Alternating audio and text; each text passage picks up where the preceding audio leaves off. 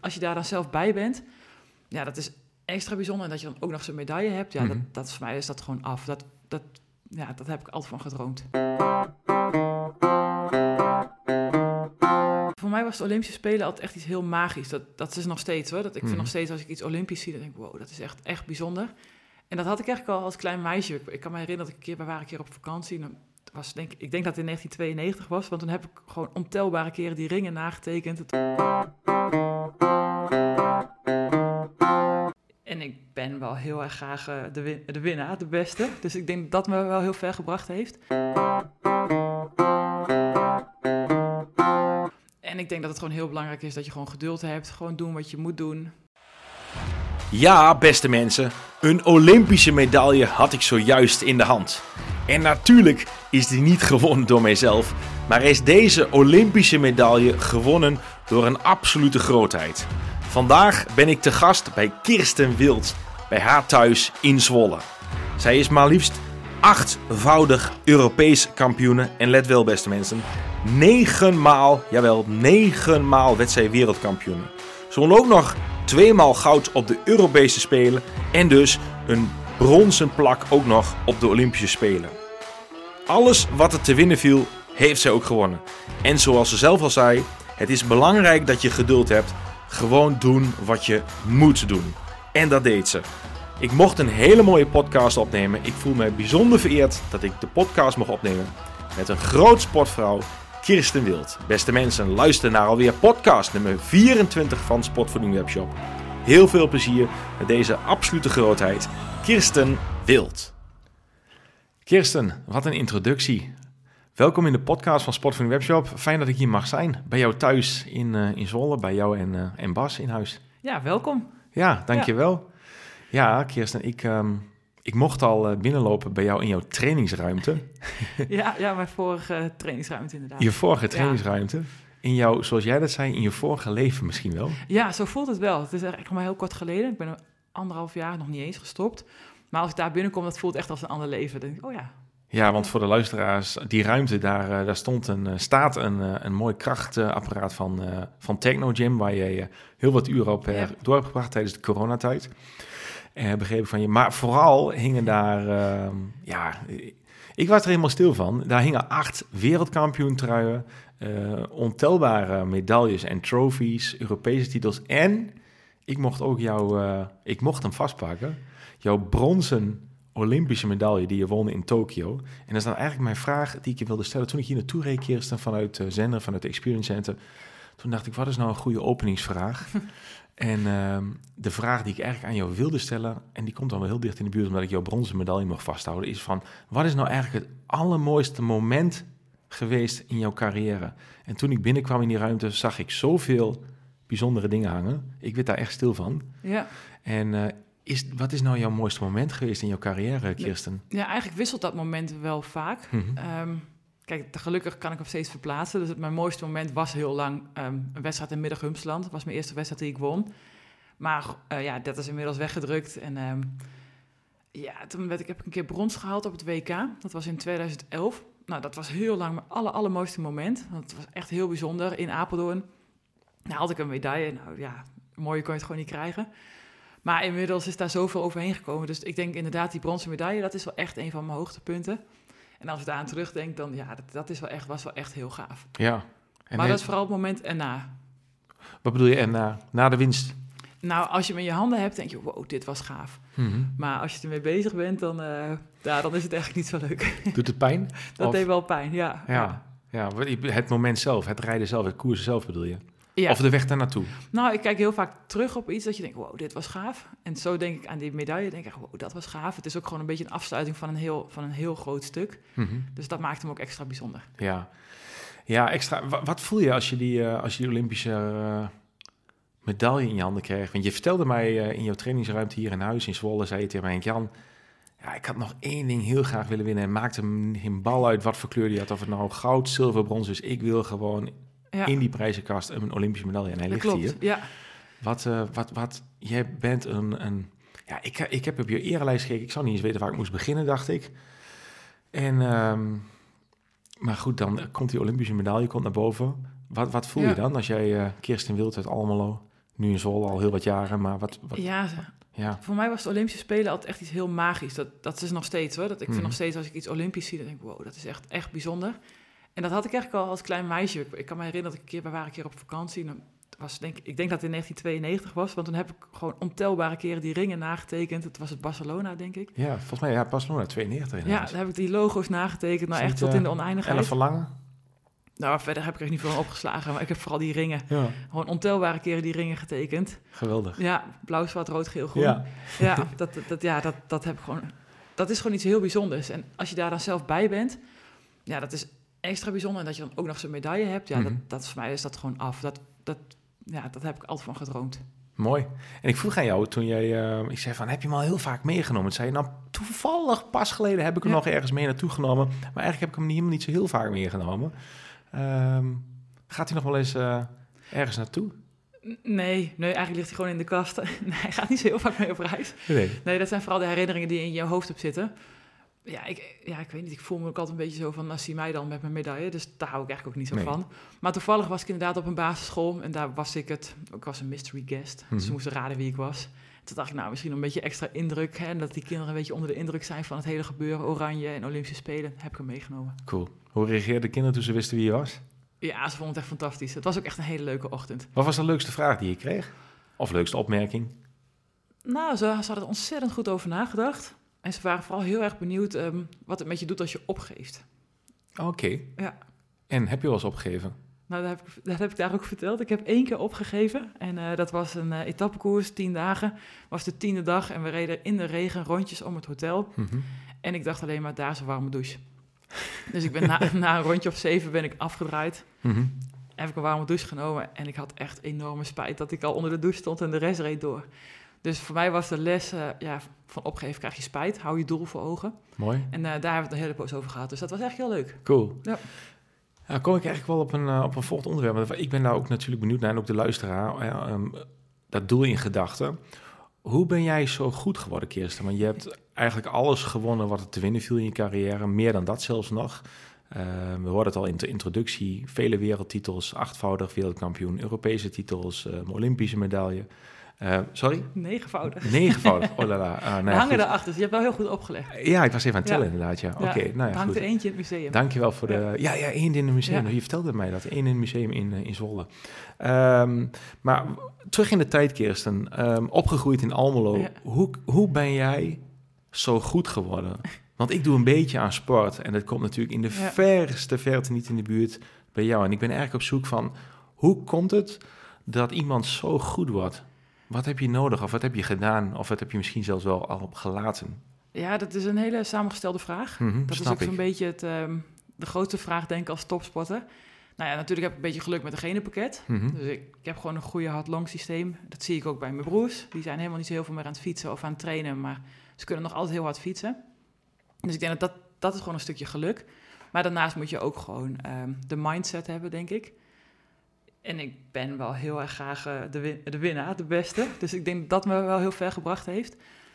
Ehm, en ik vind het vooral heel leuk. Ik, ik heb altijd heel veel plezier gehad. En ik denk doordat je heel veel plezier hebt, kun je er ook gewoon voor doen wat je ervoor moet doen. En ik denk dat dat wel een van mijn, ehm, mijn kernwaarden is, denk ik. Ehm, doe iets wat je leuk vindt en dan kun je er heel veel voor, voor laten. Dus dat hè, je Mhm. net al vroeg. Want voor, als je op dit niveau sport, moet je er heel veel voor laten. Maar je doet toch ongelooflijk veel pijn wat je hebt gedaan? Al die zware inspanning, al die verzuring. Ja. Is dat leuk? Ehm, nou ja, meestal wel. Ik, Ja? ik, ik had niet vaak eh, geen zin. Ik, ik heb nooit een training overgeslagen omdat ik geen zin had. Mhm. Dus ja, ik had er eigenlijk, daar had ik eigenlijk helemaal niet heel veel moeite mee met die opofferingen. Je had het over mindset. Dat is ook zo'n eh, algemeen eh, term waar iedereen zo zijn eigen beeld bij heeft bij mindset. Ja, wat is dat dan weer? En in het bedrijfsleven wordt veel gesproken. Ja. Of wees sterk en een goede mindset. Wat is eh, eh, de mindset die jij ontwikkelt en wie, en wie heeft jou geholpen zeg maar, bij die mindset? Ja, ehm, nou ik denk het allereerste is dat ik iets deed wat ik heel leuk vind. Mhm. vind nou, ik vind het nog steeds heel leuk om te fietsen. Ehm, daarbij heeft ooit een keer, er was er een bondcoach die zei tegen mij... Ja, Kirsten, je moet wel beseffen, jij bent manager van je eigen carrière. En dat is iets wat ik wel altijd heb meegenomen. Ik heb zelf gezorgd dat ik de baas ben over mijn programma... dat ik de baas ben over hoe ik naar een doel toe werk. En natuurlijk zoek je daar mensen bij. En daar heb ik heel veel mensen bij gezocht. Mhm. Ehm, maar dat heeft denk ik wel gemaakt dat ik die stappen heb kunnen zetten. Dus ja, ik denk dat dat, dat, dat een hele belangrijke basis is om, om goed te worden. Ja, ik vind het altijd een beetje stom klinken. En ik denk dat het gewoon heel belangrijk is dat je gewoon geduld hebt. Gewoon doen wat je moet doen. Uh, en bij je als topsport, heb, je, heb, heb jij altijd het geduld gehad? Of kwam dat met de jaren dat je... Uh, want je vertelde al over die eerste uh, mooie, bijzondere medaille die lang ja. bijbleef in Apeldoorn. Ja. Die ook je heel lang is bijgebleven. Later werd het vervangen door andere, nou ja, andere bijzondere overwinningen. Maar kon je dat ge geduld um, opbrengen? Nou, ik heb eigenlijk nooit, nooit gedacht dat ik zo goed zou worden of zo goed was. Nee. ik deed gewoon iets wat ik heel leuk vond. En, ja. uh, en dan komt het. Ja, ik was heel. Nou ja, ik was in eerste instantie toen ik net begon. Nou, volgens mij hebben we heel in het verleden nog wel eens wat samen gefietst. Ja. Nou, toen vond ik het ook heel leuk. En toen, ja. Uh, ja, kon ik er echt van genieten. Met mijn broer die fietste dan, nou ja, samen met jou wat wedstrijden. Ja. Ja, heb ik wel eens een keer meegedaan met de funklasse. Nou, dat, uh -huh. dat was echt uh, niveau likmefestje. Maar ik vond het gewoon heel leuk. Ja. En zo ben ik ook gewoon verder gegaan. Ik, ik kwam bij de dames te fietsen. Mijn eerste wedstrijd was de Amsterdam Gold Race. Nou ja, dat heb ik zes kilometer bijgehouden. Maar ik vond het wel echt heel leuk. nou ja, zo in de eerste paar jaren kon ik het af en toe bijhouden. Nou, toen heb ik als geen wedstrijd uitgereden. Uh, toen heb ik als bij de eerste 30. Nou, dan verdien je een envelopje met geld. Nou, ja, dat was gewoon heel cool. En zo heb ik elk jaar weer stapjes gezet en bleef ik het gewoon heel leuk vinden. Maar ik had nooit bedacht dat dit mijn beroep zou worden. Nee, toch niet? Nee, ik wist helemaal niet dat het een beroep was, wielrenner. Nee, nou goed, of misschien was je al zo... Uh, ja, je vond het gewoon echt in ik de core gewoon, gewoon heel, heel erg leuk. En dat het dan gewoon steeds beter gaat. Nou ja, dat maakt het natuurlijk nog leuker. Want op een gegeven moment heb je wel door, goh, ik ben hier goed in. Wanneer kwam het moment dat je dacht, uh, ik ben hier goed in? Ik had uh, de eerste gast die, die plaatsnam in de podcast van Sportfilms was Arnold Brugging. En toen was er een, uh, een quote in de VI volgens hem. En, toen, en in die quote stond in, Arnold Brugging kan een hele grote worden. Hij sprak dat zelf uit. En toen sprak hij letterlijk in de podcast de woorden van, oeh, nu wordt het heel serieus. En dat was een moment voor hem dat hij dacht van, hé, hey, maar volgens mij ben ik inderdaad heel goed. Uh, toen zag hij dat echt pas. Wanneer was voor jou een moment in je carrière, Kirsten, dat jij dacht... oeh, ik ben volgens mij goed slash beter dan de rest? Um, nou, ik, ik, ik, zat eerst bij de Zwaluwen. Dat was een, uh, een clubteam uit Almelo. En um, vanuit daar ben ik nou, bij, een, bij een internationale team gekomen. Dat was At Home. Mm -hmm. En daar waren Monique Knol en Wim Kruis waren daar de ploegleiders. En bij dat team zaten allemaal meiden die eigenlijk daarvoor bij de juniorenselectie zaten. Dus die waren gewoon echt, die waren gewoon heel goed. En toen gingen wij een inspanningstest doen op Papendal. Ja, ik fietste echt veel betere waarden dan al die meiden die erbij zaten. Ah, toen kwam je al... Uh... Ja, toen, toen zeiden ze van, ja, ja, ja, ja, je bent... Uh, ja, nou, weet je zeker dat dit klopt? En ik dacht, ja, nou ja, ik heb gewoon alles gegeven wat ik kon, van die fiets afgevallen. Dus ja, nou ja, ja volgens mij klopt dit wel. En uh, toen hadden zij wel zoiets van, hm, volgens mij is ze best wel goed. Maar ja, je had heel toen, veel vermogen. Ja, maar ik was toen nog wel wat forser. Dus toen zeiden ze vooral, ja, absoluut is het best wel goed, maar relatief um, ja, valt er nog wel wat te winnen.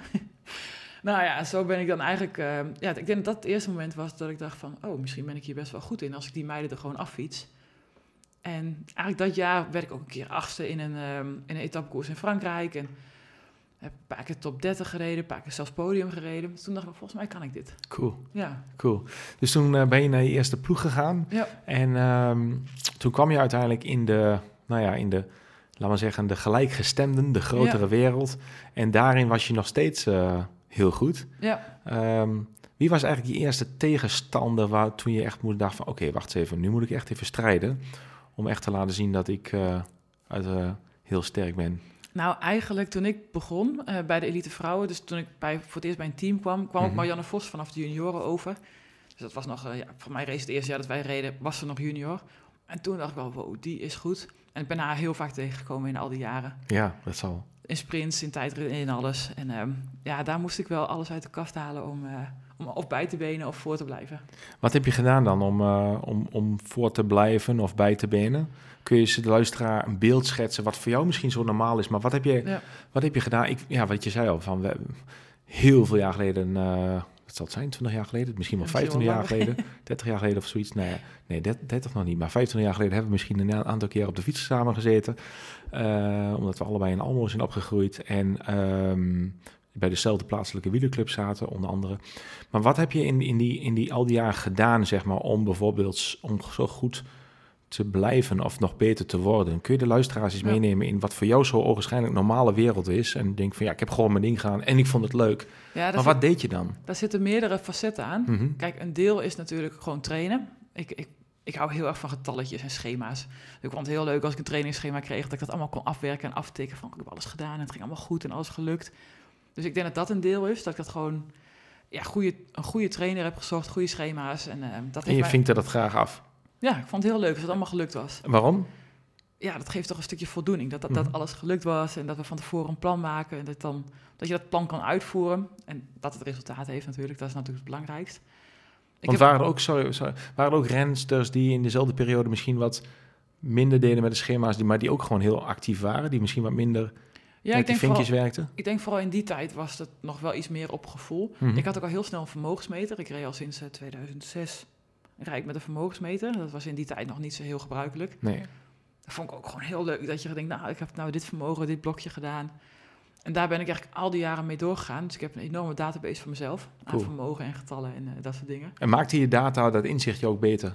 Ja, ik denk het wel. Ja, dat heeft mij wel serieus wel geholpen. Mhm. Ehm, nou, dat is denk ik een deel. Maar een ander deel is natuurlijk ook het technisch-tactische van het wielrennen. Dus dit is zeg maar de, het fysieke deel. Ehm, je moet een sprint moet je ook gewoon leren fietsen. En in een peloton moet je leren rijden. En daar heb ik denk ik wel heel veel in geleerd in, in alle jaren. Op een gegeven moment word je niet eens per se fysiek meer sterker, maar dan weet je gewoon beter hoe je moet wielrennen. Hoe je een bocht moet aansnijden, hoe je die sprint aangaat, hoe je je team kan inzetten. En dat heeft mij denk ik op het laatste gewoon eh, ja, heeft mij heel veel gebracht. Dat ik steeds beter snapte hoe zo'n wedstrijd in elkaar zat. En ja, wat je nodig hebt om daar te komen en wie je nodig hebt.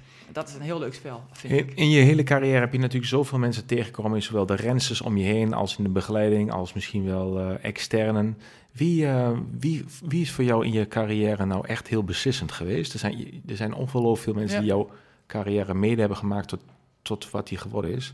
Maar wie is jouw eh, persoon geweest die jouw carrière een hele beslissende wending heeft gegeven? Ja, dat is eigenlijk wel Bas, mijn vriend. Mhm. We zijn al heel lang samen, dus eigenlijk hebben we alle stapjes van dat ik nog een eh, amateur was tot aan prof.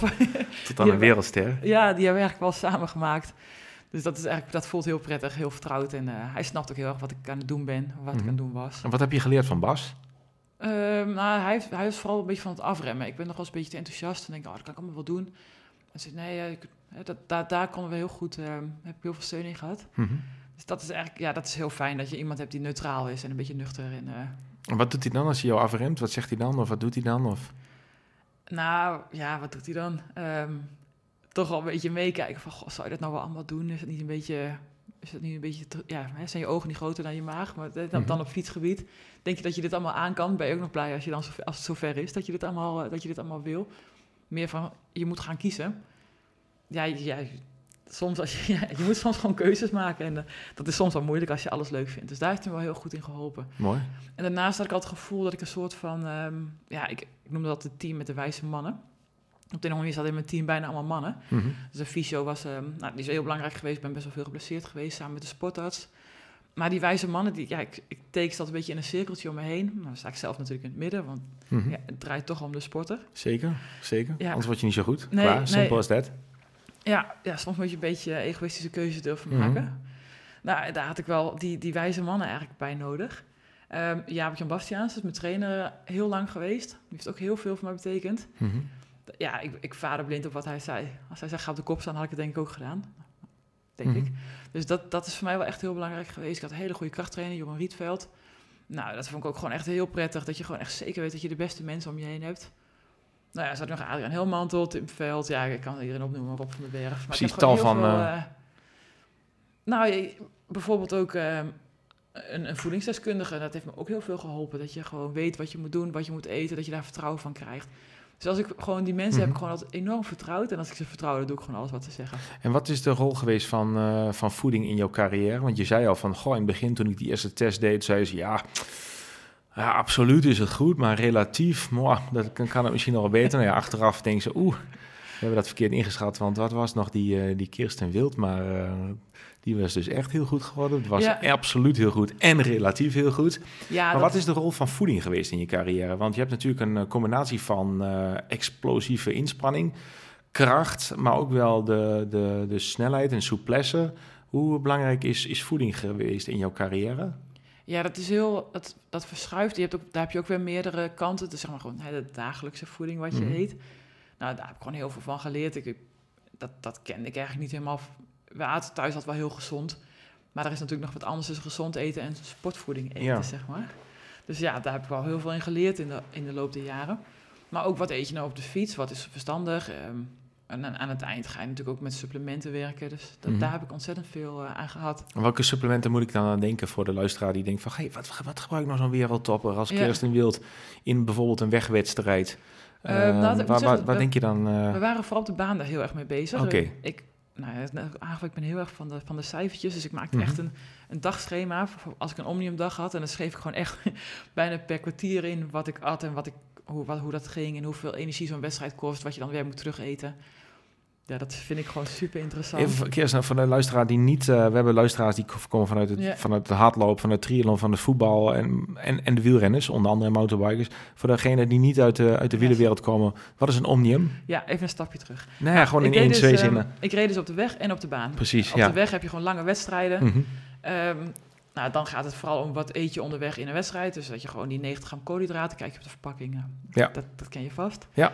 Zoveel gra- 90 gram koolhydraten per uur voor de luisteraar qua inname. Ja, dan ga je gewoon kijken op de verpakking en dat ga je gewoon uitzoeken. Nou, dat overlegde ik dan een beetje met die eh, voedingswetenschapper. En dan kwam het dat een mooi plan voor zo'n dag. Hoeveel ga ik dan drinken, hoeveel ga ik eten? Mhm. Maar ook wat eet je dan na afloop? Hoe, hoe ik zo snel mogelijk herstellen? Wat is mijn volgende doel? Ja, want zo snel mogelijk herstellen. Binnen een uur na de inspanning Ja. of een half uur na de inspanning neem Ja. je weer Ja. voeding om te zorgen Ja. dat je de volgende keer weer Ja, zo snel mogelijk eh, fit dat bent. Dat ik dat van tevoren had bedacht, zodat het allemaal klaar stond. Dat je gewoon precies, als ik dit neem na de afloop, dan, dan komt alles goed. En je had daar zelf ook een rol in. Want het is niet zo dat je alleen maar dacht van, nou ja, dat, dat is de voedingsdeskundige en dat doet hij of zij. Maar je was daar zelf ook wel erg in de... Was je daarin ook redelijk in de controle? Ja, nou, ik had een, eh, een eh, Rob, die hielp mij daarmee. En die zei altijd van, maak eerst zelf maar een plan, dan kijk Oh ik wel met je mee. Oké. Dus in die zin heb ik daar heel veel van geleerd. Dus ik maakte zelf een plan en hij keek mee. Nou ja, dat was een beetje aanpassen of vragen waarom heb je dit of dit bedacht.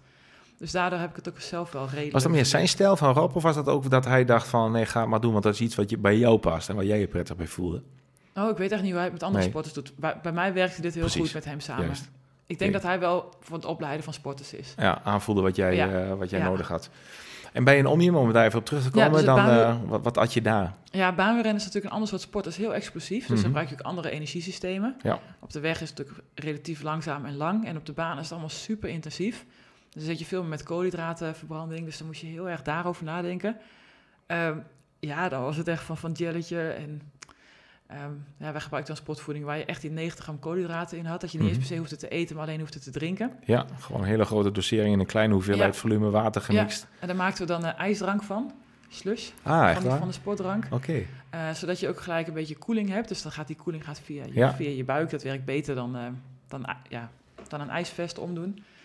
Ehm, dus ja, op die manier hebben we dat helemaal uitgewerkt. Dan een beetje slush, dan een beetje van dit, dan een beetje van dat. En Mooi. ja, zo had ik echt tot op de minuut uitgewerkt wat ik wilde eten en hoe ik dat ging doen. Mooi. Ja, dat vind ik gewoon super leuk om te doen. Leuk. Zie je, eh, ehm, zie je dat ook wel eens eh, terug in het, ehm, in het amateurwielrennen? Dat jij denkt van, eh, eh, dat kan wel wat beter of wat anders. En, en hel- heb je dan de behoefte om mensen daarbij te helpen? Of zeg je van, nou, ik hou me gewoon stil. En, of, of Nou, er gaan natuurlijk dingen- allerlei verhalen de ronde in, Ja. de, in de wielersport. eh. ja, we hadden net over supplementen. Wat wij wel natuurlijk deden was, wat je nu heel veel hoort, is de, is de bakpoeder. Nou ja, Mhm. dat de natriumbicarbonaat, dat deden wij eigenlijk al, dat zijn wij eigenlijk sinds 2012 waren we daar eigenlijk al mee bezig. ja, Dus het is niet iets nieuws, maar eh, het is nu een beetje voor de grote Ja. markt. het wordt een beetje eh, Ja, ja en gebracht als iets nieuws. beta-alanine deden we natuurlijk al een hele poos. Ja, Dus dat zijn wel, maar dat zijn eigenlijk de, de marginal gains. Dat dan, Precies. Dan, dan heb je eigenlijk alles al gedaan qua de details binnen de details binnen de Ja, En dat zie ik, wat je zegt bij amateursporters nog wel eens. Dan gaan ze al in deze details en Mhm. oh, er is nog zoveel te winnen aan Ja. hoe je op de fiets zit. Wat voor shirtje je aan hebt. Mhm. Of, Als je hebt over, over voedingstips, eh, Kirsten.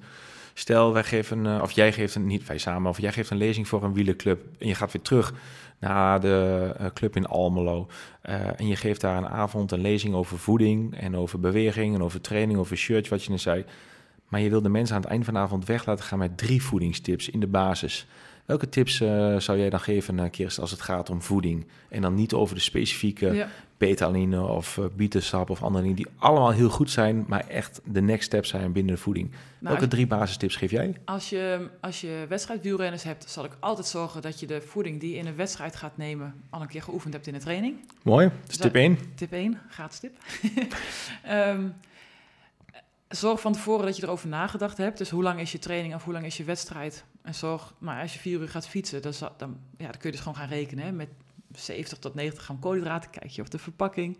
Nou, vaak komt dat neer op vier van die mooie repen die jullie verkopen. Die, eh, daar zit volgens mij 50 gram in, Ja. of 45 Ja, gram ja, plus koolhydraten. minus. Yes, klopt. En kijk je even wat je in het drinken zit. Dus eigenlijk is de tip, kijk op de verpakking. Ja, En repen en drinken bij elkaar opgeteld. Ja, Even voor de luisteraar. Ja. Ja. Ja En dan kom je op die eh, plus minus 90 gram uit Ja. als je een hele zware inspanning hebt. Oftewel, zwaar bedoel ik mee op een hoog intensieve Ja. hartslag. Sommige mensen rijden een rustige, eh, denken een rustige etappe te rijden, Mhm. maar hebben zo'n hoge hartslag. Ja, we zeggen wel, eens zijn kampioen van de training. Dus ja, dat voelt bijna aan als een wedstrijd.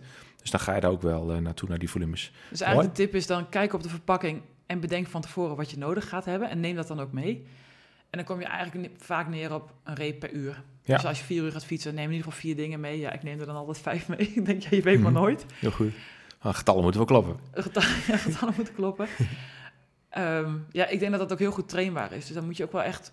Mensen zijn nog wel eens bang dat je dan te veel gaat eten, maar dat Valt zou ik mee, gewoon doen. Ja, dat zou ik gewoon doen. Ja, Dan, kan beter, dan kun je beter na afloop dat broodje kroket laten staan. ja heel goed. Maar Sowieso. op de fiets, voor de kwaliteit van je training, kun je dat beter gewoon echt gewoon doen. Dat is gewoon echt belangrijk. Ja. Ehm, en als laatste, ja, goed drinken, denk ik, hè? Mhm. Wat is goed drinken? Ik heb Ja, zoveel dat- ideeën over uiteraard. Maar wat is volgens Kirsten Wild goed drinken als wielrennen? Nou, dat is ook weer zoiets. Denk daar van tevoren over na. Als, als het warm is, heb je meer drinken nodig dan als het koud is. Mhm. Tenminste, voor je gevoel. En kun, je kun jij dat dus als getallen voor jou eens uitdrukken in getallen? Nou, ik denk als je gewoon lekker gaat fietsen, zou ik toch wel ruim een bidon per uur gaan drinken. Mhm. En zelf, ja, dat, heel veel mensen vinden het amateuristisch, maar neem altijd grote bidons mee. Dus van die, van die Ja. 750 milliliter bidons. Dan heb je eigenlijk al anderhalf liter water bij je. Precies. minder snel te stoppen. En dan misschien moet je een keer stoppen bij een tankstation om te vullen. Maar ik zou toch wel proberen om een bidon per uur. is wel echt het minimale. Ja. Hey, Kirsten, in, in de wielersport is eh, met name bij het vrouwenwielrennen speelt het eh, nog meer, eh, is mijn eigen ervaring, wat ik terugkrijg, is dat gewicht een heel belangrijk onderwerp is in de sport. Ehm, hoe, ehm, ehm, hoe werd daarmee omgegaan, zeg maar? Dus, dus de, de, de moeilijkheid tussen blijven eten en drinken versus ehm, soms de aversie tegen eten en het innemen van voeding slash drank in verband met gewichtstoename. Nou, wegwielrennen is natuurlijk eigenlijk gewoon een gewichtssport. Mhm. Dat, dat lijkt misschien niet zo, maar je moet alle massa die je hebt, moet je mee omhoog nemen. Dus daar word je gewoon niet blij van als je, als je te veel kilo's mee moet nemen. Want dan zit je gewoon met een zak aardappels op je rug te fietsen. Ja, Bij baanwielrennen is dat al iets minder belangrijk, want dan gaat het veel meer om, om absoluut vermogen en dan power. Ja, power. dus dan is een beetje spiermassa in je bovenarmen is echt niet erg. Nee. Maar als je wegwielrennen bent, wil je dat eigenlijk niet. Dan is dat ja, overbodige, niet nuttige, Mhm. ja, niet functionele massa. Dus je wil eigenlijk functionele massa hebben. En bij een wegwielrenner is dat gewoon ja, vaak zo min mogelijk gewicht. En hoe was dat voor jou? Want je hebt beide disciplines ja. afwisselend eh, beoefend. Ja, Zowel op de baan als op de weg. Was dat voor jou lastig? Eh, nou, ik denk als ik, als ik puur wegwielrenner was geweest, dan was ik denk gewoon te groot geweest. Dan was ik misschien wel uitgefilterd. Dan had ik Mhm. het misschien wel nooit, nooit gehaald. Ja, ik heb nu ook wel iets gehaald. Maar, maar Ah, da- dan, Heel nou, veel. Als, als dat echt je werk is, ja, dan is dat gewoon een deel van je werk. Ja, En precies. voor baanwielrennen was het, is het ook heel belangrijk en is het ook echt wel een heel belangrijk deel. Maar dan zit je, ik zat toch heel veel met krachttraining en met toch andere doelen, zeg maar. Mhm. Nou, je vroeg net nog van eh, hoe grote rol dat speelt.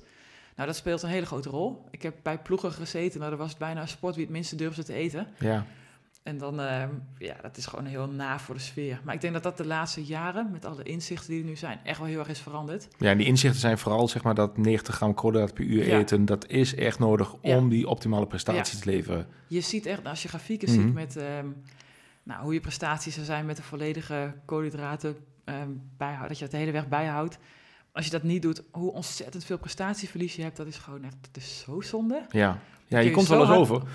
Ja, Dan alleen, kun je zo hard trainen en, en dan laat je het daar liggen. Dat is gewoon, ja. is gewoon echt zonde. Ja, maar goed, die inzicht heb je nodig. En die komt met de jaren natuurlijk. Omdat, ja, ja oké, je hebt Ja. er gewoon tijd voor nodig. Ik vroeg jou, eh dankjewel voor je tips eh, die je gegeven hebt in deze lezing in, eh, bij jouw wielervereniging weer terug in Almelo en alle andere clubs.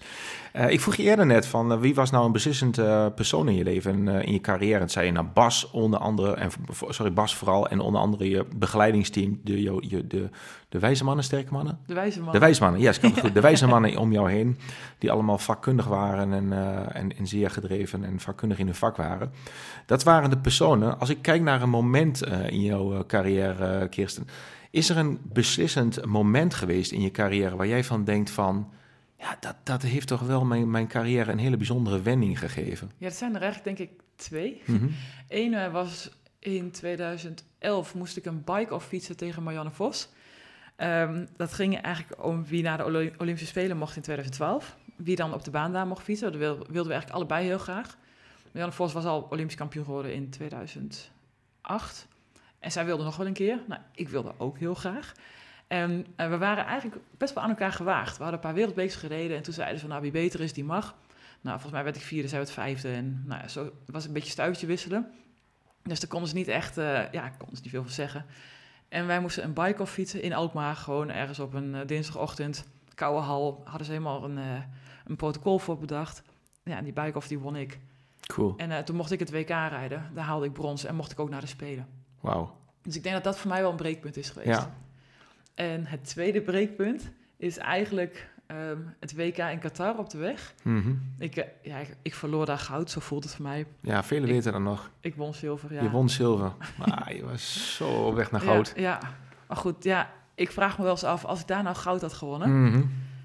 Sportvrouw van het jaar. Ja, ja, zo kun je hem ook draaien. Maar ik probeer hem even positief te draaien voor mezelf.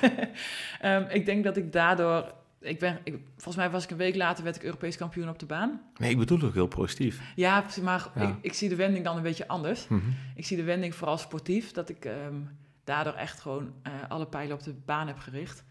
En anders had ik nooit gehaald wat ik eh, had gehaald, wat ik nu heb gehaald. Ja. Ik denk dat ik anders, stel nou dat je wereldkampioen bent, ja, dan ga je toch, toch die wil je die trui laten zien, dan word je toch meer wegbuurrenner. Mhm. En dat had ik nooit gedaan wat ik op de baan heb gedaan. Wat ik Ah, mooi hoe je het gedaan. Ja, Ja. maar ik heb ook geen keuze. Nee, ja, ja, goed. Je hebt wel een... ehm, ja, dat is een Ja. goede... Dat is interessant. Dat trek je mij een beetje mee met je opmerking. Heb je geen keus? Ehm, Ja, natuurlijk Nou ja. heb je een keuze, maar voor mij was het gewoon je hebt het, Ik heb mijn kans gehad op het WK weg. Dat is niet gelukt. Ehm, en daar kwamen mijn kansen kwamen daarna op de baan. Ja, want voor de luisteraar die dit moment niet kent, je, werd, eh, je bent vice-wereldkampioen eh, op de weg. Tweede, zilver op het WK wielrennen Doha. Ja. En ja, je was eh, in de gedroomde... Nou ja, ik dacht ook dat je goud ging Ja. winnen, zoals velen. En ehm, heb, je, ehm, heb je pijn gehad toen bij het, eh, het eh, verliezen van goud, zoals je het zelf benoemt? Ik- Deed het pijn? Ja, ik vond deze wel heel moeilijk. Mhm. Ja, Was dit het meest pijnlijke moment in je carrière? zeker één van. Ja? Ja, ja, ik ben ook een keer heel nip tweede geweest in de Ronde van Vlaanderen. Dat, Mhm. dat is ook wel zo'n wat-als momentje. Maar dit is ook een hele grote wat-als. En hoe, eh, wat, wat doe je dan na de finish? Want, want dan is de camera weg en niemand Ja. ziet je dan meer. Maar ja, misschien bij de uitfiets een stukje Ja. 100 meter nog. Maar Kirsten, als je terug gaat naar Doha, als ik vragen mag, dan word je tweede. Ehm, wat, wat doe je dan? Ja, ik, ik vond het echt heel vervelend. Ik vond het echt heel naar. Ook, ik kreeg de steun van het hele Nederlandse team. Nou, je moet je voorstellen, Anna van der Breggen, Marianne Vos, Annemiek van Mhm. Vleuten, Chantal Blaak, Elle van Dijk. Nou, grotere kleppen zijn er gewoon niet. Nee, En die gingen allemaal, ja, die hebben allemaal voor mij, de, voor mij gereden. train, steen uit de, Ja, uit de straat gereden. kijk, en dan word je tweede. En dat voelt dan echt zo van, ja, jeetje, jullie offeren allemaal je kans op. En, en ik pak hem niet. Maar gelukkig, die meiden waren echt zo supportive. En Mhm. ehm, Ja, geweldig. ja, ik heb, dat, die, ik heb echt nooit een, een kwalijk woord gehoord of, of iets. Dus dat, dat heeft me heel erg geholpen. Ze zeiden volgens mij zelfs zoiets van, wees niet te hard voor jezelf. Nou, Mhm. ik, was heel, ik vond het echt verschrikkelijk. Ik heb dat moment ook niet heel vaak teruggezien. maar, ik ging, maar ik ging eigenlijk al de dag erna ging naar het EK-baan in Parijs. Dus ja, heel veel tijd om dan dat te blijven treuren heb je dan eigenlijk ook niet. Dat is ook wel een beetje de sport. Ja, door. Je hebt vaak niet zo heel veel tijd Nee. om of Nee. om te genieten of om te treuren. Je moet heel snel weer door. ja, dat je hoor veel je zo topsporters. goed? Ja. Ik denk dat dat ook een eigenschap is die sporters moeten hebben. Dat je makkelijk kan aanpassen en doorgaan. Want de situatie is altijd weer anders en het verandert weer. En Mhm. Ja. Ja. Kirsten, wat heeft... ehm, je hebt, je hebt, je hebt ehm, je winnen, winnen, winnen, winnen. Eh, je hebt veel gewonnen. En ja, je hebt ook hele moeilijke momenten gehad. We hebben er zojuist één besproken in Doha. En, en nog wat andere wat je zei, in Nipt in Vlaanderen. Maar wat heeft ehm, al dat winnen... Heeft jou dat veranderd, eh, Kirsten? Want- ja, dat weet ik niet. Ik weet niet hoe ik was geweest als het allemaal niet was gebeurd. Nee, dat, is, dat klopt, dat klopt. Ehm, Nou, laat ik het dan anders stellen. Dat, daar zou je misschien wel op kunnen handelen. Wat heeft al dat winnen gedaan met jou? nou, ik denk dat ik zelf... Ik ben denk ik van nature vrij nuchter, dus ik denk dat het voor mij niet zo heel veel heeft gedaan. Mhm. Maar wat je soms wel merkt, is dat andere mensen je anders benaderen. Mhm. Dat vond ik altijd wel een beetje gek. En kun je eens een voorbeeld geven? Nou, dat mensen dan toch dingen voor je doen dat ik denk, nou, doe even normaal. Want ja, ik doe ook maar gewoon iets wat ik leuk vind. Ja, Mhm. dat ik toevallig had ik een fietsen, dat wil niet zeggen dat je... Kun je een voorbeeld geven van een gek moment wat jij dacht van, nou, come on, doe eens even normaal. Nou, eh, ik had een keer een ploegleider. Dat was niet de allersterkste persoonlijkheid, maar dat, toen hadden we, een, hadden we een massagelijst. En eh, zei, we doen het op alfabetische volgorde. Omdat Ik dacht, oh, dan ben ik mooi de Sjaak met de W van Wild. Dus ik zei voor de grap, hè, nou, nou, laten we dan achteraan beginnen. Zei, ja, ja, gaan we doen. Toen dacht ik, nee, dat gaan we helemaal niet doen. Want je zegt net dat we bij de A beginnen. Dus ja. Dan moet Maar- je niet, omdat ik nou zeg, Wat je Kirsten Wild zei van, Ja, ik lig naar achteraan, toen dacht dacht hij ik van, ja. oh nee, dit, dit wil ik helemaal niet. Dus ik dacht, nou ja, dat soort dingen. Dat je denkt, zo'n ploegleider die dan voor je, voor je opspringt. En denk, doe Mhm. normaal. Hoe verhoudt zich dat? Want eh, ik hoor wel eens van verschillende topsporters dat ze zeggen... Ik, ging, ik ga dwars door de muur heen en ik, ik vreet iedereen op. En ko- ten koste van alles wil ik winnen, punt. Op het moment dat jij dan toch eh, zegt van... Nou, beginnen we achteraan.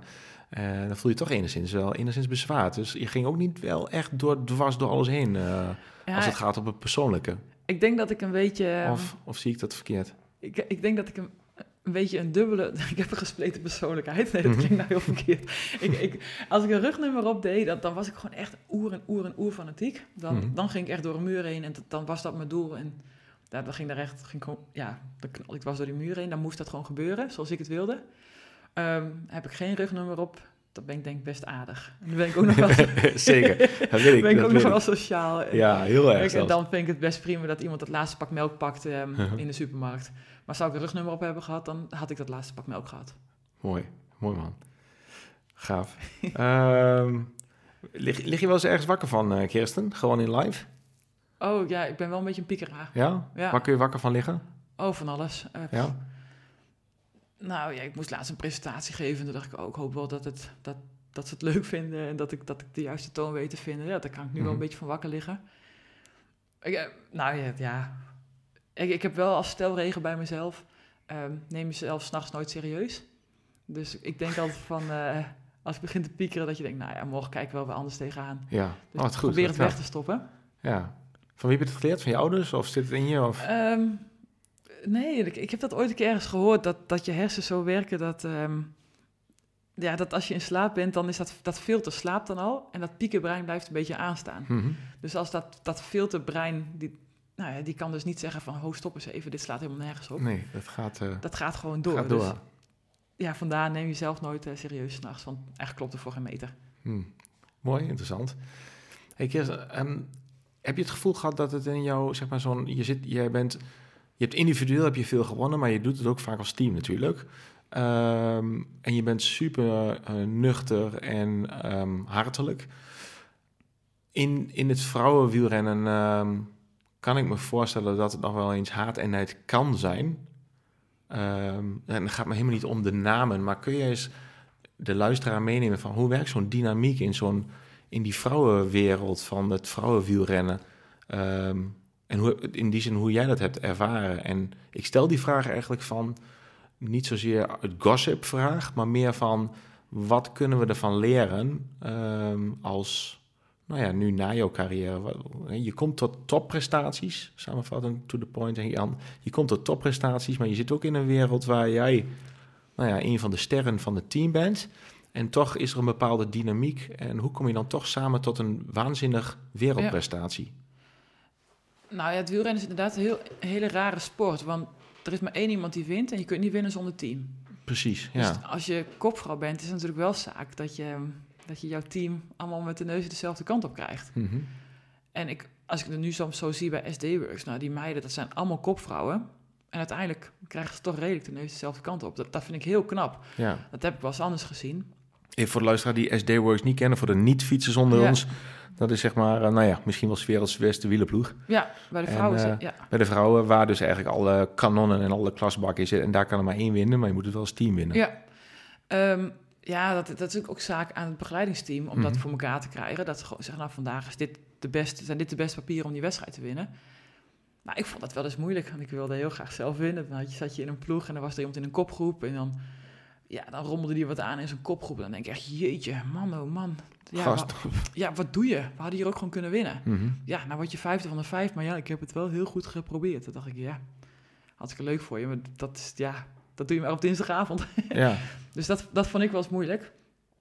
Ehm, En, en stond je dan op bijvoorbeeld om te zeggen, jongens, maar dit gaan we niet weer doen. Volgende keer doen we nee, het anders. daar was ik dus niet zo heel goed in. Ik was wel heel veel in de wedstrijd. Daar dacht ik op. eh, Mhm. en dat vooral uit enthousiasme en fanatisme.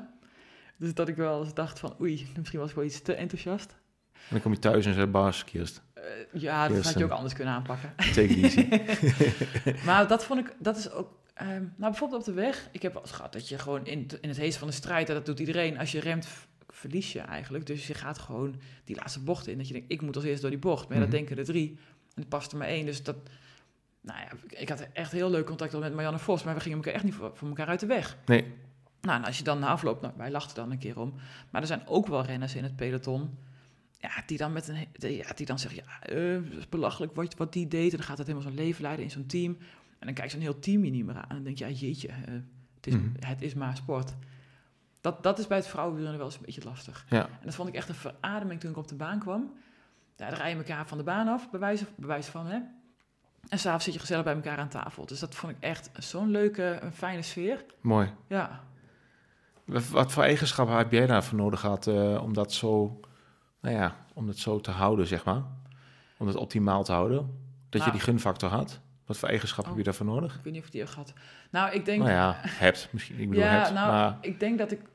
nou, je zei Ah. zelf, laat ik zo zeggen, het zijn jouw woorden. Eh, jij zegt van, je moet het zelf winnen, maar je doet het met het team. Je zei oh, iets anders, manier. maar... Ja, precies. Hè, dus, dus je hebt een bepaalde eigenschappen dat je dat ook voor elkaar krijgt. Dat die meiden Nou, ook voor jou willen, Ja. willen werken.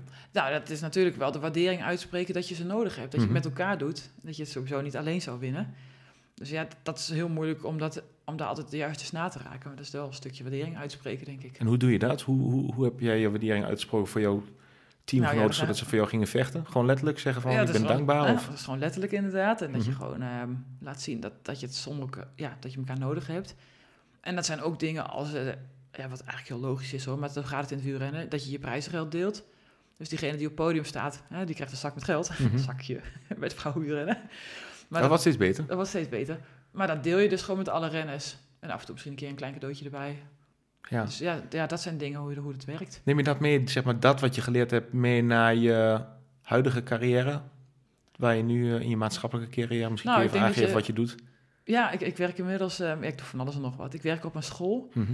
En ik denk dat positiviteit altijd goed werkt. Dus ook naar collega's, goh, dat heb je goed gedaan. Nou, fijn hoe we dit zo aangepakt, aangepakt hebben samen.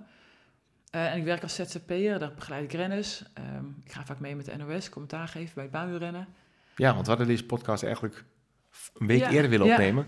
En toen appte, uh, appte je mij, zei ik, Jan, ik, eh, ik kan even nu niet, want ik moet, eh, of ik mag, naar eh, Gent. Ja, ik ging mee, dat, dat, ging, dat is weer iets anders. Ik ging mee als coach naar, het, ehm, naar een wedstrijd in Gent... en de coach van de junioren en de, en Cool. de onder 23 talenten. Mooi, ja. Ja. Dus ja, dus dat, dat, die ervaring vanuit de wielersport neem je dus mee nu in je maatschappelijke carrière. En dat is zeg maar het delen, het complementeren Ja. en zodat het team zeg maar optimaal... Nou, ik ben, eh, heel, ik ben een hele, positieve coach, dus ik, eh, ik benadruk heel erg de goede punten. en ben je er anders in dan andere coaches? Dat weet ik niet, maar dat vind ik heel prettig. Mhm. Dus ik probeer altijd wel eh, ja, van- vanuit het positieve, ook wel negatieve dingen te benadrukken natuurlijk. Maar vooral vanuit het positieve. Waar komt het vandaan? Van, vanuit van wie heb je dat? Van je vader, van je moeder? Van... Ik denk Of- gewoon alle coaches die ik altijd gehad heb in mijn leven, vond Oh ja. ik dat heel prettig. En eh, Dus gewoon jouw stijl, wat bij je denk past. ik. Ja, dat denk ik. Mooi. Ehm, wat heeft de sport jou gebracht, eh, Kirsten?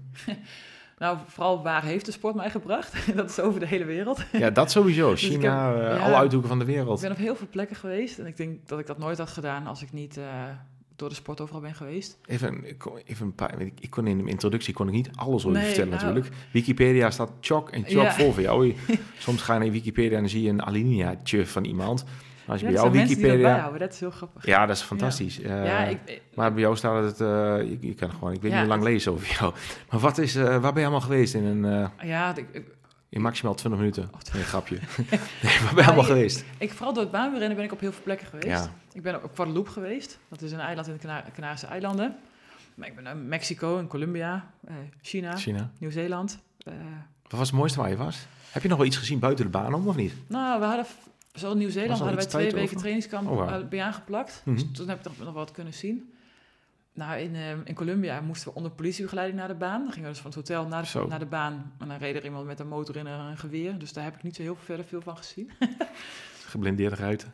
Ja, ik heb, ik, ik heb ik heb een keer een, ehm, een wegwedstrijd in Californië gereden, Tour of Californië. Dat vond ik echt heel erg mooi. Dus daar wil ik la- later, daar wil ik nog wel een keer naartoe. Ja? Ja. Waarom wil je daar naartoe? Ja, ik vond dat gewoon zo mooi. Dat, dat wil ik gewoon nog een keer rustig bekijken. Want wat vond je mooi?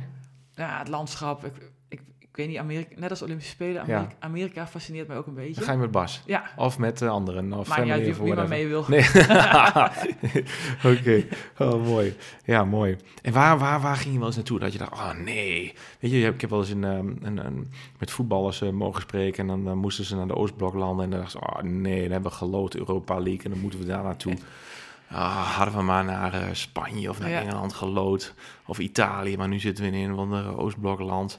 Waar, waar, waar wilde jij gewoon liever niet naartoe? dat- en dat waarom had- niet? Dat had ik een beetje met China. Ja? Ik vond het gewoon vies. Ik vond de mensen vies en het eten eigenlijk vies. En lange reis en het is daar heet. En nou ja, dat, dat stinkt daar. Kijk, dus dat klinkt natuurlijk heel verwend, hè. Dat je, gat, gat, moet ik weer naar China? Maar ja, die lag altijd een beetje ongelukkig in het seizoen. Mhm. Dus ja, ik werd daar nooit heel blij van. Oké, Maar goed, het is natuurlijk achteraf gezien, hè, was het fantastisch. ja. Had je je eigen tolken, een meisje die daar dan Engels studeert, en, of een jongen. En die, die hielpen ons dan als team en kregen onze eigen tolk. Nou, het was gewoon hilarisch natuurlijk. Mhm. Maar achteraf, maar op het moment zelf dacht ik, altijd, gat, waar loop ik hier weer in China? Over blij gesproken, Kirsten. Eh, nog Ehm, iets waar ik helemaal ja, niet blij ja, van zeker. De Waalse pijl. Nee, Nee, daar kon je me echt niet blij van maken. want ja, je parcours niet. Nee, Het weer niet. nee. Nee, precies. van hoor je gat zien, nee. Nee. nee. Dus dat is even puur op, de, op het parcours. Ja, oké, ja, precies. Ja, dat is echt een... eh, eh, voor degene die niet de Waalspel kent, ik vul hem gelijk in inderdaad. Maar voor degene die niet eh, dat pam meteen zegt, het parcours. In, in, in, misschien in, je kunt het zelfs in één woord zeggen, denk ik, Waalse pijl. Of in één zin. Oei. Wat- ja. ja, ja. Ja. heftig. Oké. Ehm, over blij gesproken. ehm, van, van, weet je, je hebt, je, hebt, je hebt ontelbaar veel trainingsuren gemaakt, ontelbaar veel trainingskilometers. Je hebt ongelooflijk veel mensen leren kennen in je carrière. Je hebt ook tegen veel mensen gestreden, met mensen gefietst. Ehm, maar van wie, van welke persoon weet je nou, naast Bas, eh, Hm. die je ook mag noemen trouwens, ik moet dat niet invullen, maar van welke persoon weet je nou eigenlijk heel erg blij tijdens je carrière? Waar, waar heb je nou heel veel plezier mee gehad? Met wie heb je nou zoveel plezier gehad? Ja, ik heb wel...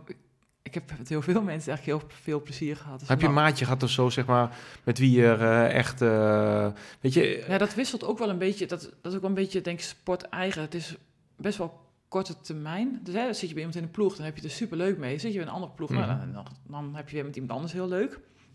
Dus daar was ik al best wel makkelijk in. In het begin investeer je heel erg in, in ploeggenootje. En op een gegeven moment denk je, nou, volgend jaar heb je een ander shirtje aan. En Ja. dan, eh wij zijn gewoon weer concurrenten. Ja, ik heb heel veel met Marijn de Vries getraind. Die woont ook in Zwolle. Dus we hebben gewoon heel veel samen gefietst. En dan, ja, dat was altijd gewoon echt heel gezellig. En gewoon ook goed trainen. Dus dat was gewoon heel fijn. Combi van gezelligheid en Ja. hard werken. En ik heb echt de laatste jaren heb ik echt een fantastische tijd gehad met de. We, hebben, we zijn met z'n tweeën naar Spanje gegaan. Want we hadden geen zin in het reguliere trainingskamp. We waren er helemaal klaar mee. Toen hebben, we- hebben we een kartonnen doos gepakt, de fiets erin gepakt. En toen zijn we naar Spanje gevlogen. nou, een fiets uitgepakt op, op vliegveld, die doos laten staan. En toen zijn we van, eigenlijk van Zuid-Spanje naar Noord-Spanje gefietst. Oh, wauw. Naar het teamhuis. En eh, ja, dat was, echt, dat was echt een fantastische trip. Cool. Hoeveel kilometer? Want je houdt alles bij. Ja, ik weet niet hoeveel kilometer we hebben gereden toen. Maar ik denk een dag of negen of zo zijn. Mhm. Of nou, misschien niet eens. Maar toen zijn we, ja, het was gewoon echt een, echt een hele leuke trip. Het was Cool. echt heel leuk om te doen. Leuk. Dus en heel goed trainen en elke dag iets nieuws. En ja, je moet maar even zien hoe alles weer gaat. En Ja. of je wat te eten vindt en hoe dat allemaal georganiseerd is. Dat, ja, daar heb ik echt hele leuke dingen bij meegemaakt. Cool. Heb je, ehm topsporters zitten vol met rituelen. Hm. Ehm, wat, wat was jouw... eh, nou, je, had al, je hebt al iets benoemd met ons. Je hebt al wat gedeeld. Het delen natuurlijk van jouw voorliefde voor getallen. En Ja. alles willen bijhouden. En cijfers en tellen. En, eh, en dat heel graag willen uitvoeren. En dan afvinken. En dan was je daar weer blij mee. Ehm, wat was jou nou jouw, jouw, ja, jouw, jouw ritueel? Ritueel. Ehm, Of iets afwijkends waarvan je zegt... Dat deed ik, maar dat was onderdeel van mijn topsportcarrière. Nou ja, ik, ik was vrij, ben vrij gestructureerd daarin. Dus ik Mhm. zorgde wel dat ik, nou ja, dat ik s'avonds even mijn tas had ingepakt. Dat ik al, vooral als je met, zo'n, met die baanwedstrijden bezig bent, dan nou, heb, ik, heb ik alles, handschoenen, rugnummers, schoenen. Nou ja, ligt dan ook altijd alles op een vaste plek? mm, semi-vaste plek. Ik sprak met Jeanette Jansen in de podcast. Zevenvoudig deelnemers aan de Paralympische Spelen. Echt ongekend. Ze is ook een mooie podcast. En, en Jeanette zei van, eh, ik legde altijd alles op dezelfde plek. En, en daar moest Bert, haar man, die moest er echt niet aankomen. Want uh, ja, dat vond ze niet leuk. En, uh, maar zo erg was het, of erg, het is niet erg, maar zo, zo gestructureerd was jij niet. Nee, ik ben, ik ben semi-gestructureerd. Ja, ja, precies. Dus ik, weet, ik weet wel ongeveer waar het ligt. Ja, maar het geeft Dus je goed gevoel dat je het ja, gewoon... ik vond het gewoon prettig. Gewoon zeker. Dan hoef ik me daar niet meer druk om te Nee. maken. Dus energielek, hè, dan kan je weer een... Precies. En niet andere dingen steken. Ja, En had je eh, voor, voorliefde voor... eh, je hebt voor nou ja, heel wat ploegen gereden. Is er één... ehm, weet je, ik hoor ook wel eens van, van, eh, van renners... Je hebt je eigen tenue heb je nooit kunnen kiezen. Kijk, dat je, te- ja, dat je heel vaak in het oranje hebt gereden. Ja, dat is natuurlijk altijd prachtig. Volgens Ja. mij kun je niet trotser zijn dan voor Nederland mogen uitkomen. Ja. En als dat ook nog oranje is met rood, wit, blauw, ja, prachtig. Eh, of nog mooier de regenboogkleuren. Maar ehm, voor welke ploeg, want je hebt voor heel wat ploeg gereden. ehm, wat voor shirt had je nou het lekkerste aan? Want die ploegen hebben allemaal verschillende shirtjes. En eh, ja.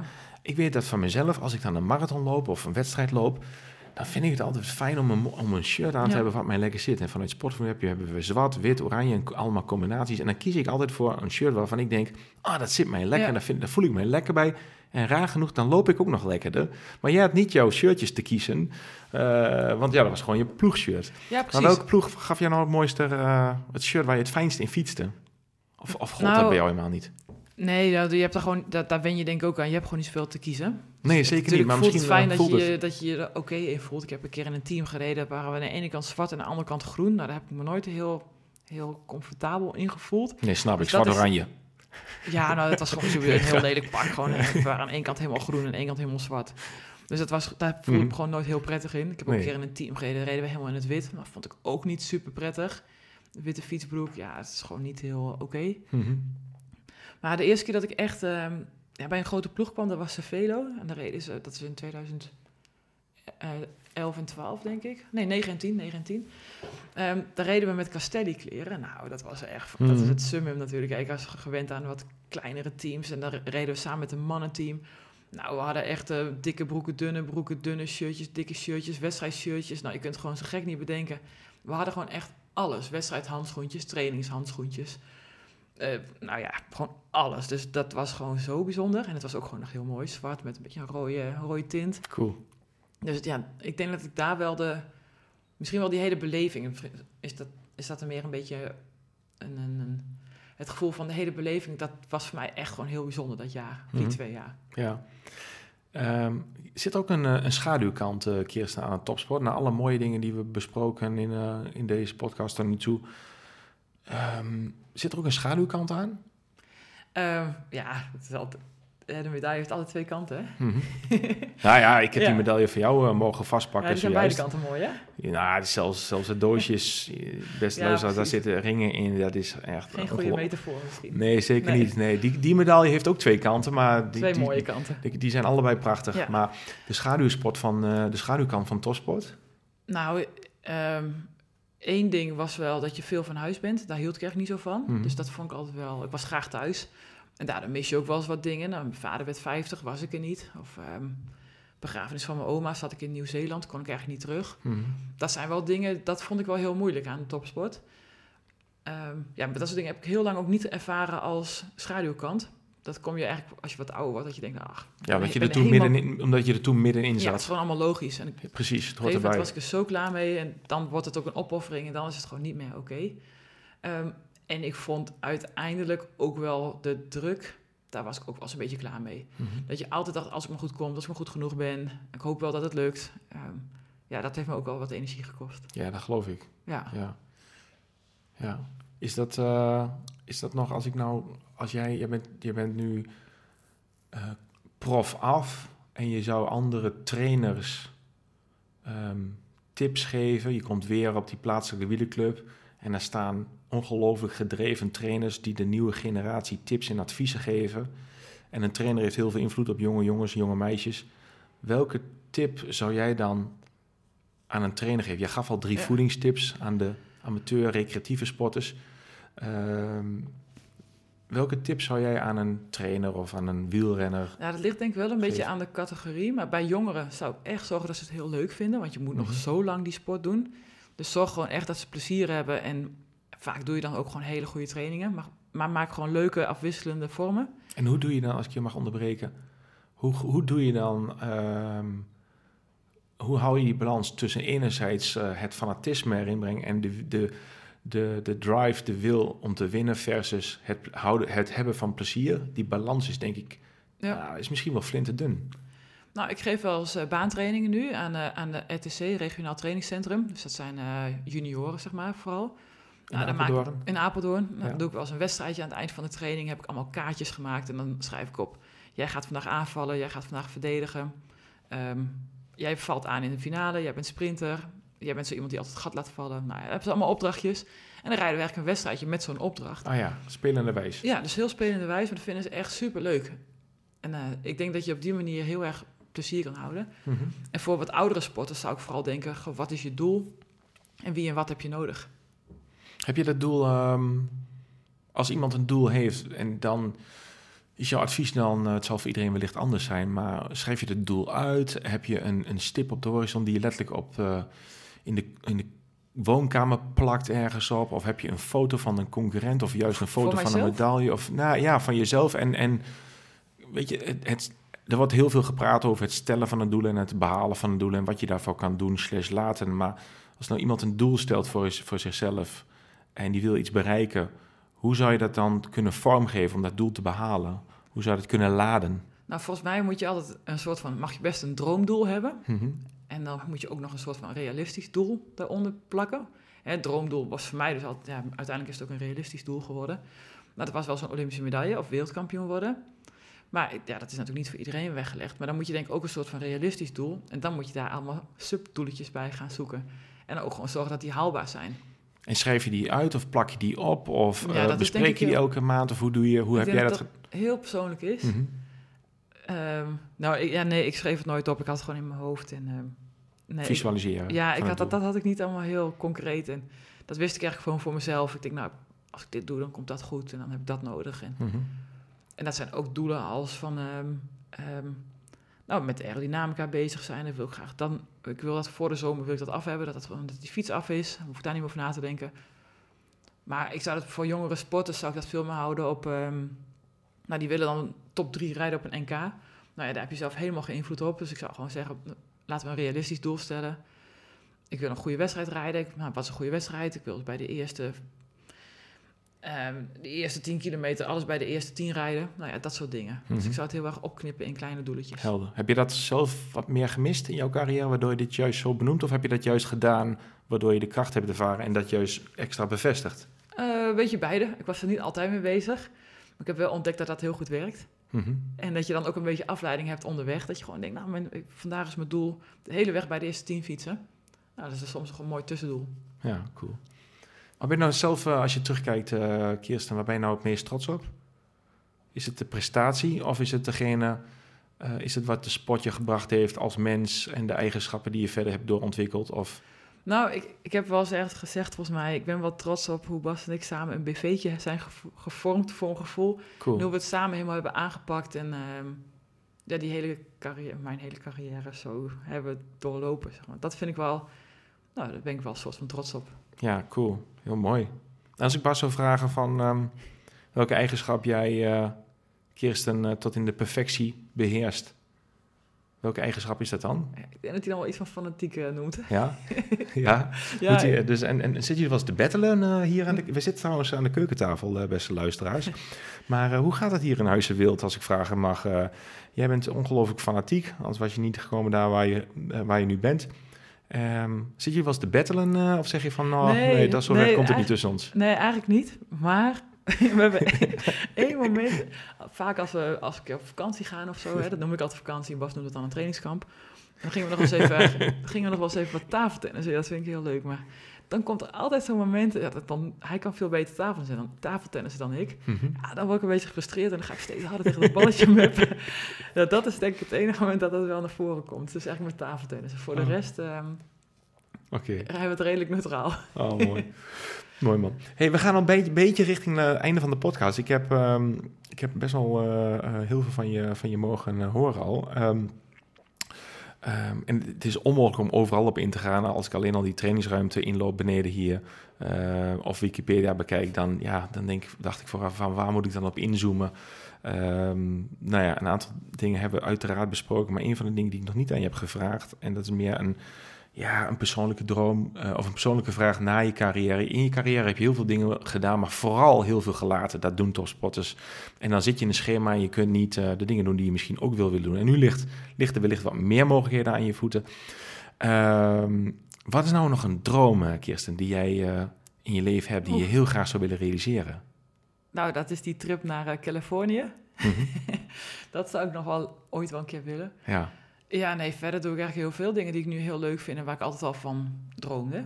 Ik, ik, nou, ik, ik, vind, uh, ik vind fietsen dus heel leuk. Mm -hmm. dat had ik misschien nog wel door. Ja, zeker. Ja, um, maar ik heb pas geleden heb ik een, uh, een bikepack tochtje gemaakt. Dus met mijn tentje achter op de fiets en, uh, en we de Green Divide gefietst. Dat is een route over de Veluwe.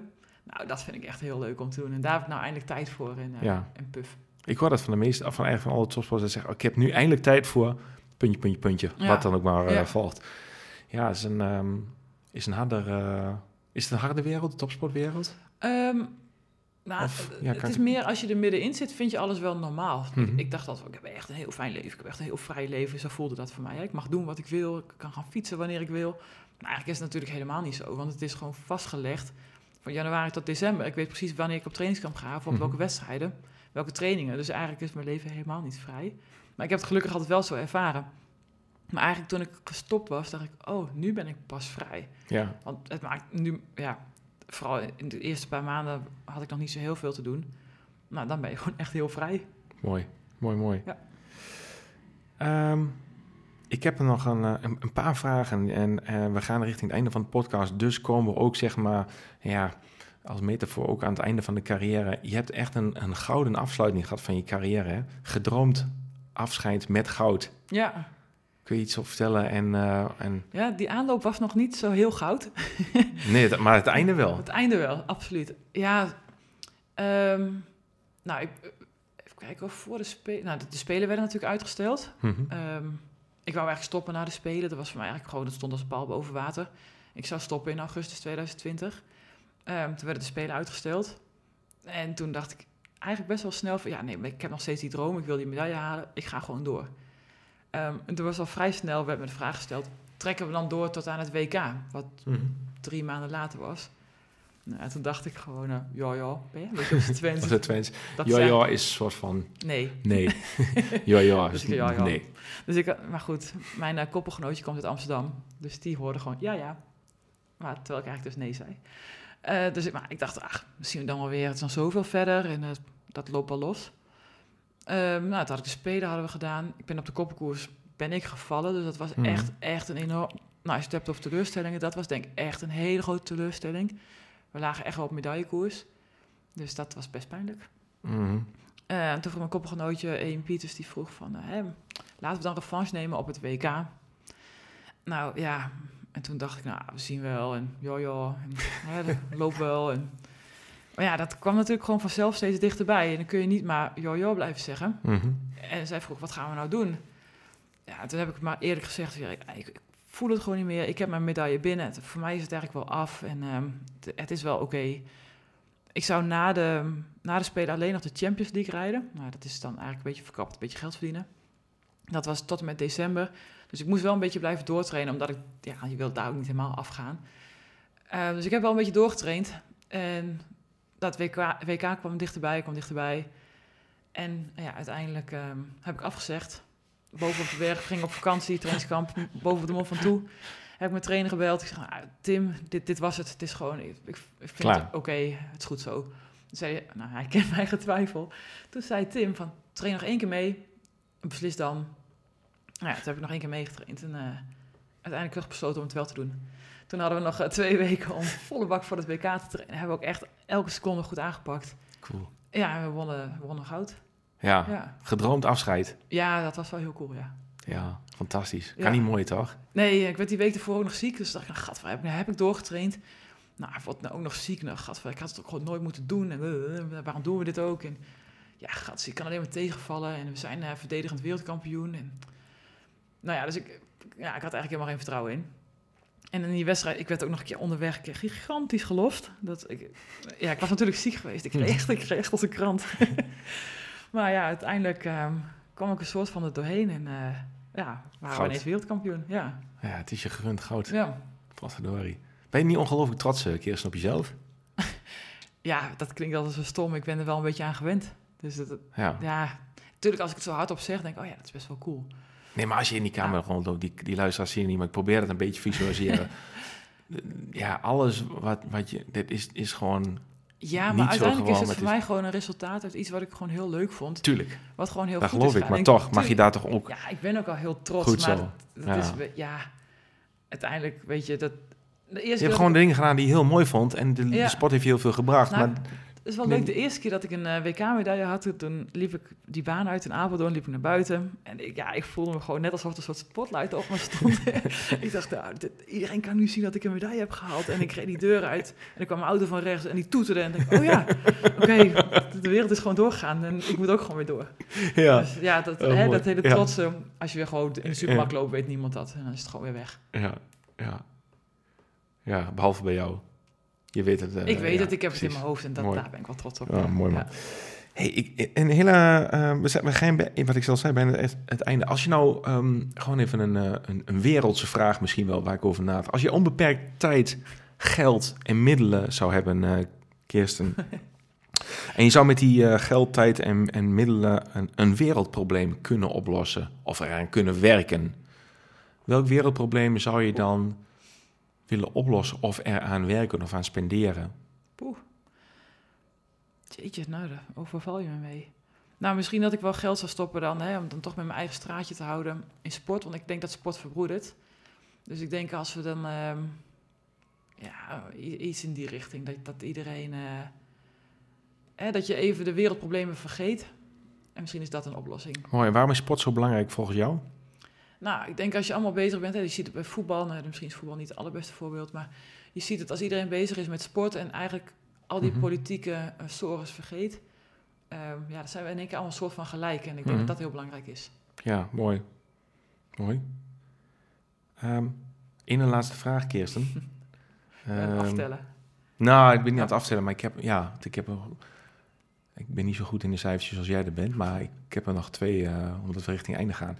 Wie, ik vraag het eigenlijk elke gast eh, sinds enige tijd. Wie moet ik uitnodigen eh, en wie wil ik, wie zeg je van, hey Jan, hij of zij, zij of hij, moet je zij, eh, aan de microfoon krijgen? Wie zou onze nieuwe gast mogen zijn? Ja, ik denk toch een beetje in het, in het baanwielrennen, want ik denk dat daar heel veel renners zijn die een super mooi verhaal hebben, maar eigenlijk een beetje onderbelicht blijven. Ja, ik denk misschien wel aan Kira Lamberink. Mm -hmm. Mooi. Ontzettend talentvolle renster. Daar zit in een teamsprint. Doet naast haar, naast haar sportcarrière ook nog een studie geneeskunde. Cool. Dus, um, Ga ik even opschrijven. Ja. Dankjewel. Mooi. Slimme meid. Mooi zo. Um, voordat ik mijn eigen laatste vraag stel. Um, heb jij nog iets waar je op wil terugkomen? Of iets waar je wil uh, aanvullen of wil toevoegen? Of dat je zegt, Jan, gast jongen, dat heb jij me helemaal niet gevraagd. Hoe dan? Hier, waarom heb je dit niet aangehaald? Of uh, juist, waarom... Uh, nou ja, is er nog iets waar je op wil terugkomen of wil toevoegen... of wil corrigeren of aanvullen? Oeh. Nou, ik zou het nu eigenlijk even niet weten hoor. Nee? nee nou, dan is, nee, dan is het het een goed. goed compleet gesprek, denk ik. Nou, fijn. Ja. Wat vond je ervan eigenlijk? Ja, leuk. Mooi. Ja. Dan stel ik mijn laatste vraag aan jou. Oh. Komt je aan. En dat is als volgt. Stel ik aan alle podcastgasten, dus ook aan jou. Je mag op 200 plekken in de wereld, daar staat een billboard. Op 200 plekken waar miljoenen mensen dus samen uh, elke dag langskomen. En uh, op dat billboard mag jij een woord, een zin of een quote zetten. En dat is eigenlijk jouw boodschap naar de wereld. Die wordt dus elke dag gelezen door miljoenen mensen. Welke zin of woord of quote moet op dat bord staan um, van Kirsten Wild? Poeh, nou... Um, ja, dat moet natuurlijk wel iets zijn wat, wat mensen iets aan hebben, hè? Kijk, normaal zou ik zeggen van uh, je bent manager van je eigen carrière, maar ja, voordat je dat door hebt en je bent dan ben je langs dat bord heen, dus dat is denk ik niet zo'n hele goeie. Nou, misschien wel smile. Ja, smile? Ja. Cool, dankjewel. Ja. Mooi. Dankjewel, Kirsten. Ik vond het een, uh, een mooi gesprek, maar ik, was, uh, ik voelde me vooral erg vereerd dat ik uh, jou mocht interviewen. Dankjewel. Um, ik heb daar heel erg naar uitgekeken en ik was zeer onder de indruk. Daar hebben de luisteraars ook volgens mij wel gehoord en gevoeld, want ik heb het er meermaals bedoeld. Toen ik jouw trainingsruimte hier in huis mocht inlopen. Um, uh, Kirsten, hartstikke bedankt voor deze mooie podcast. Ik ga mijn best doen om uh, Kira te, aan tafel te krijgen in de podcast. En uh, beste luisteraars, ook weer bedankt voor het luisteren naar deze podcast. Geef even een mooie 5 sterren voor, voor Kirsten. En deel hem met je kennissen, vrienden of collega's of wie dan ook. Dat zouden we erg leuk vinden. Nogmaals bedankt voor het luisteren naar weer een nieuwe podcast van Sportvoeding Webshop. Een waargenoegen vanuit de keukentafel in Zwolle. Van Kirsten en Bas zeg ik arrivederci. Tot ziens. Hoi.